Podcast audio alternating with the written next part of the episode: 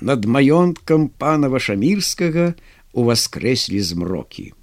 Яны насіліся з кута ў кут каля сцен муроў, гойдаліся, нібы чорны туман, напалоханыя разнакалёровымі агнямі з вокнаў панскіх палацаў.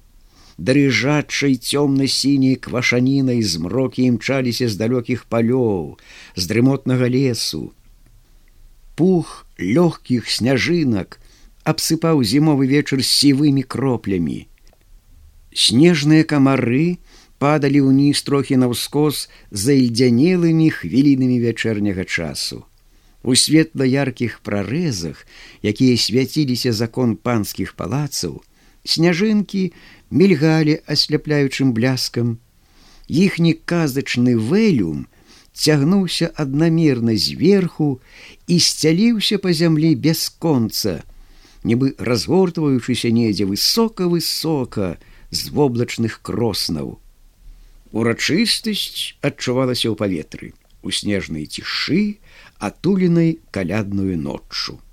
Шум людзей льецца разам з хвалямі святла праз вокны. Няма дзе дзецца, цесна галасам унутры у пакоях. Яны гвалтам рвуцца на прастор на волю, а муры строгія і грозныя, вызначаюцца грамадзінамі высокіх сцен, хрыбтамі дахаў, выкрутасамі вежаў і башняў, скучаным стадам да гістарычных звяроў. Муры урэзаліся буйнымі грудзьмі ў абшар, бязлітасна, гвалтоўна душаць прастор поля. Яны усмоктваюць у сябе вякі, нібы п'яўкі кроў, спыняюць ход часу і твораць навокал урачыстасць нейкай сляпой сілы і пакорлівасць да сябе ўсяго вакольнага. На дзядзінцы, раптам замітусіліся людзі. Ставілі гарматы каля шырокага ганка палацаў. Збіралася ўся чэляць выйшлі вялікай грамадой панскія госці. Глядзелі шумелі дзядзінец ажыў як ніколі. Стралялі з гарматаў.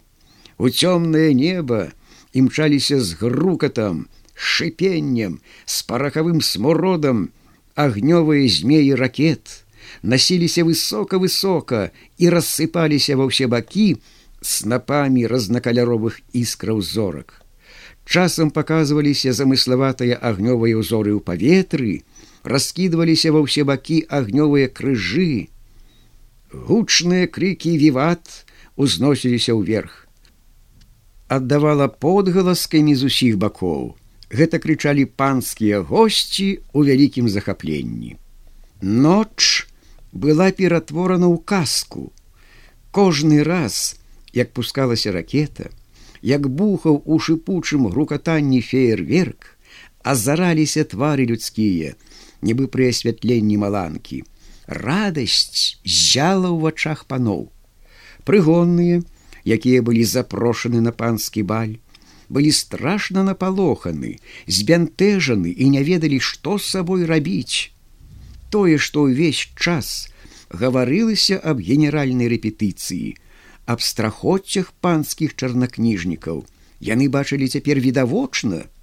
Некаторыя хрысціліся, некаторыя пускаліся на ўцёкі, а некаторыя камянелі на месцы з выпучанымі ад вялікага дзіва і страху вачыма. Хто хапаўся рукамі за валасы, хто мармытаў нязвязныя словы, хто шаптаў малітвы, бо разнастайныя позы страху, нібы бронзавыя ці мармуровыя фігуры застывалі панскія падданыя з тых, што прыйшлі на гэты баль па загаду пана. Госці рагаталі, смяяліся, жартавалі. Тоўстыя ў багатых футрах яны выглядалі людзьмі іншай пароды. Ноч была нібы казка а сабакі паднялі працяглае выццё яны по-свойму выказвалі і страх і здзіўленне дождж іскраў сыпаў і пыліў ва ўсе бакі маланкі і бліскавіцы наладжаныя людзьмі на забаўку перарабілі каляды у купалле зіму у лета фантастычнай і дзівоснай здавалася ноч у вачах простых сялян між іншымі Тут стаялі янка і пятруш, якія рыхтаваліся ісці вясною у цімакі. Гэта на нашай крыві паны гуляюць, шапнуў янка. На нашых слёзах і поце дадаў пятруш. Каменныя львы на вялізным ганку здаваліся жывымі.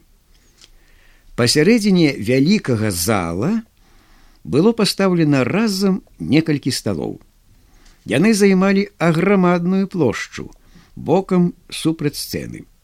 Сталы былі накрытыя белымі абрусамі.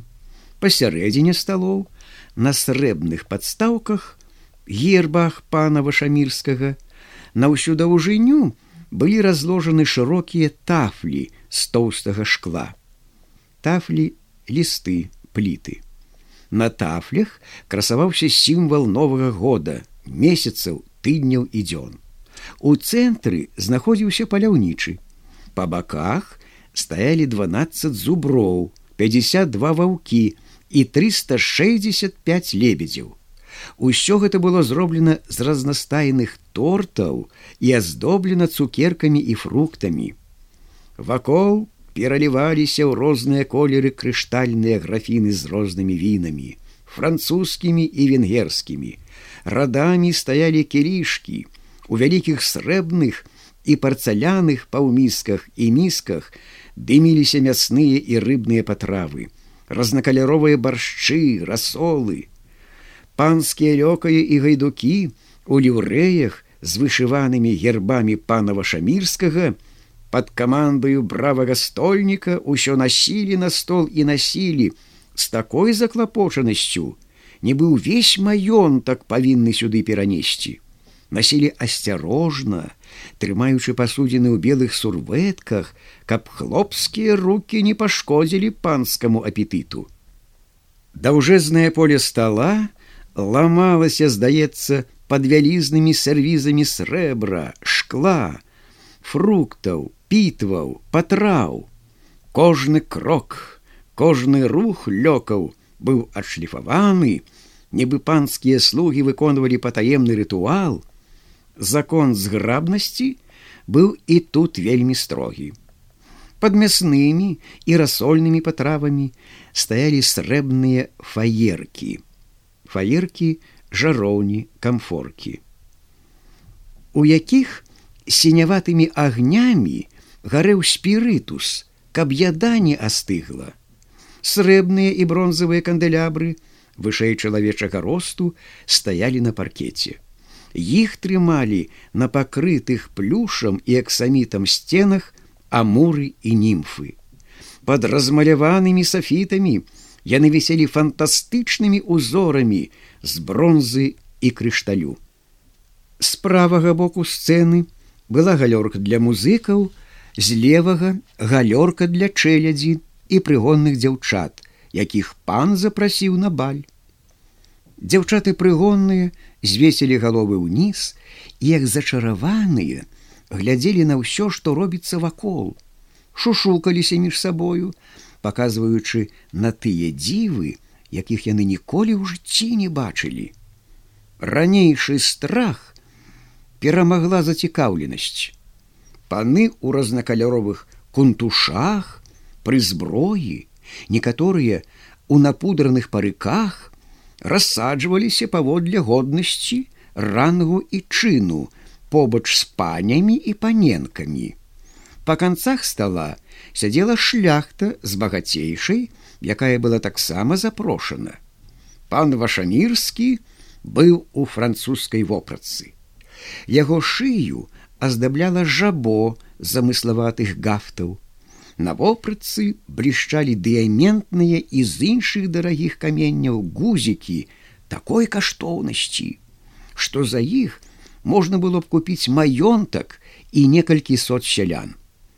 Слуцкія паясы блішчэлі ўрачыста і пышна, абхопліваючы, нібы ў цесных шоўка залатых абоймах таліі паноў прыгожыя ўсходнія ўзоры на залатым і срэбным фоне шырокіх паясоў, акаімлялі вузенькай сцежкай васількі з сялянскага поля і іншыя травы лугоў і палёў тутэйшай зямлі.